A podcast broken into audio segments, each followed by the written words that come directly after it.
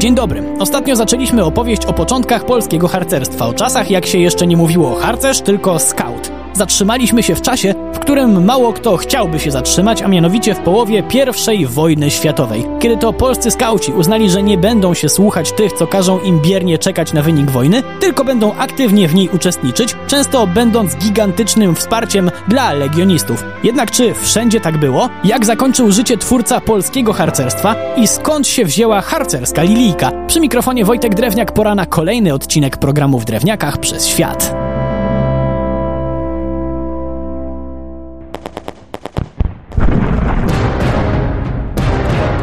Warto przypomnieć, że ideały scoutingu bardzo mocno trafiły do serc młodych ludzi, którzy lgnęli do nowego ruchu, tym bardziej, że coraz realniejsza była szansa odzyskania ojczyzny, do której miłości instruktorzy uczyli. W Kijowie w połowie wojny polskich skautów było już około 10 tysięcy. Na zachodzie też było ich mnóstwo. To była siła, z którą trzeba się było liczyć i wiedział o tym sam Andrzej Małkowski, który w pewnym momencie chciał zorganizować nowy legion do walki z pruskimi siłami. Dobry pomysł? Nie według formujących się władz, więc trochę oburzony Małkowski popłynął do Kanady, gdzie wstąpił do polskiego wojska, ale to nie koniec jego działalności w Ameryce Północnej, bo zaczął tam rozkręcać polskie harcerstwo. Niestety nie dożył, by zobaczyć na jak żyzny grunt rzucił swoje ziarno. Zginął w Odessie, w katastrofie morskiej, w czasie wykonywania zleconej mu misji wojskowej.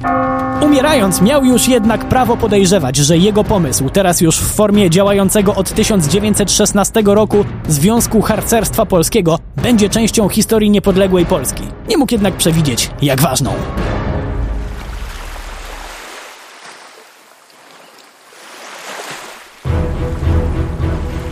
W sumie to przerwijmy sobie tutaj na moment chronologiczny wywód. Proponuję tęgą dygresję o symbolach kojarzących się z harcerstwem, skoro już to słowo padło. Od kiedy mówi się harcerz, a nie scout? Od 1912 roku, kiedy różne formy aktywności tego ruchu, czyli gry terenowe i inne zabawy, zostały opisane w książce Harce Młodzieży Polskiej. Samo słowo tak się skautom spodobało, że szybko sami zaczęli się tak nazywać. No co, nie każda historia musi mieć jakieś drugie dno. Zostańmy jednak w roku 1912, bo to wtedy powstało też kultowe i kojarzące się mocno z harcerstwem pozdrowienie Czuwaj. To wprowadziła Olga Drachnowska, żona założyciela polskiego skautingu. Czemu akurat Czuwaj? Żeby harcerze i harcerki, którym przewodziła, przestali się pozdrawiać kojarzącym się z wojskiem tekstem czołem. Odrobinę wcześniej powstał projekt Krzyża Harcerskiego, który ksiądz Kazimierz Lutosławski wzorował na jednym z naszych najważniejszych orderów, a konkretnie Virtuti Militari. Generalnie ksiądz Lutosławski to ważna postać w dziejach polskiego harcerstwa, bo był też współautorem przyrzeczenia harcerskiego. No ale chwila, chwila, bo nie możemy pominąć chyba najbardziej kojarzonego z harcerstwem symbolu lilijki. O dziwo swojej kariery wcale nie zaczynała jako lilijka i jest przy okazji dowodem na to, że jak się doda wystarczająco dużo ozdobników, to można coś zmienić nie do poznania. Otóż w początkowych latach polskiego skautingu symbol ten był igłą kompasu. Z czasem jednak rysowano i wyszywano ją z coraz większym rozmachem, aż zaczęła wyglądać jak lilia herbowa i tak już zostało. Ktoś mi jeszcze wypomni, że zapomniałem o tekście Ojczyzna Nauka Cnota umieszczonym przy lilijce, ale już uspokajam. To motto filaretów znalazło się tam dopiero w 1927 roku.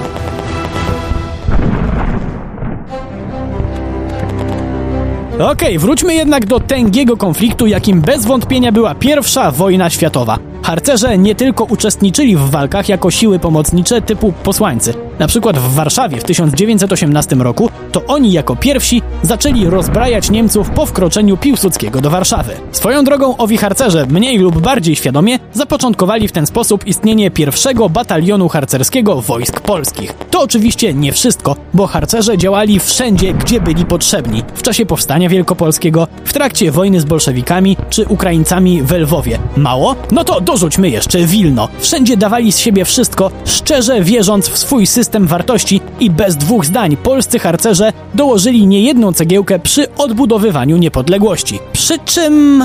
Tak to już jest, że symbole symbolami, wartości wartościami, ale szczytne idee, które paradoksalnie łatwiej jest często zachować w trudnych chwilach, prawdziwe testy przechodzą w czasie pokoju, kiedy trzeba zmierzyć się z codziennością i niechęcią ludzi z zewnątrz i we własnych szeregach też. Dwudziestolecie międzywojenne nie było dla polskiego harcerstwa łatwym okresem wolnym od sporów, ale tym zajmiemy się już w kolejnym naszym spotkaniu. Przy mikrofonie był Wojtek Drewniak. Do usłyszenia.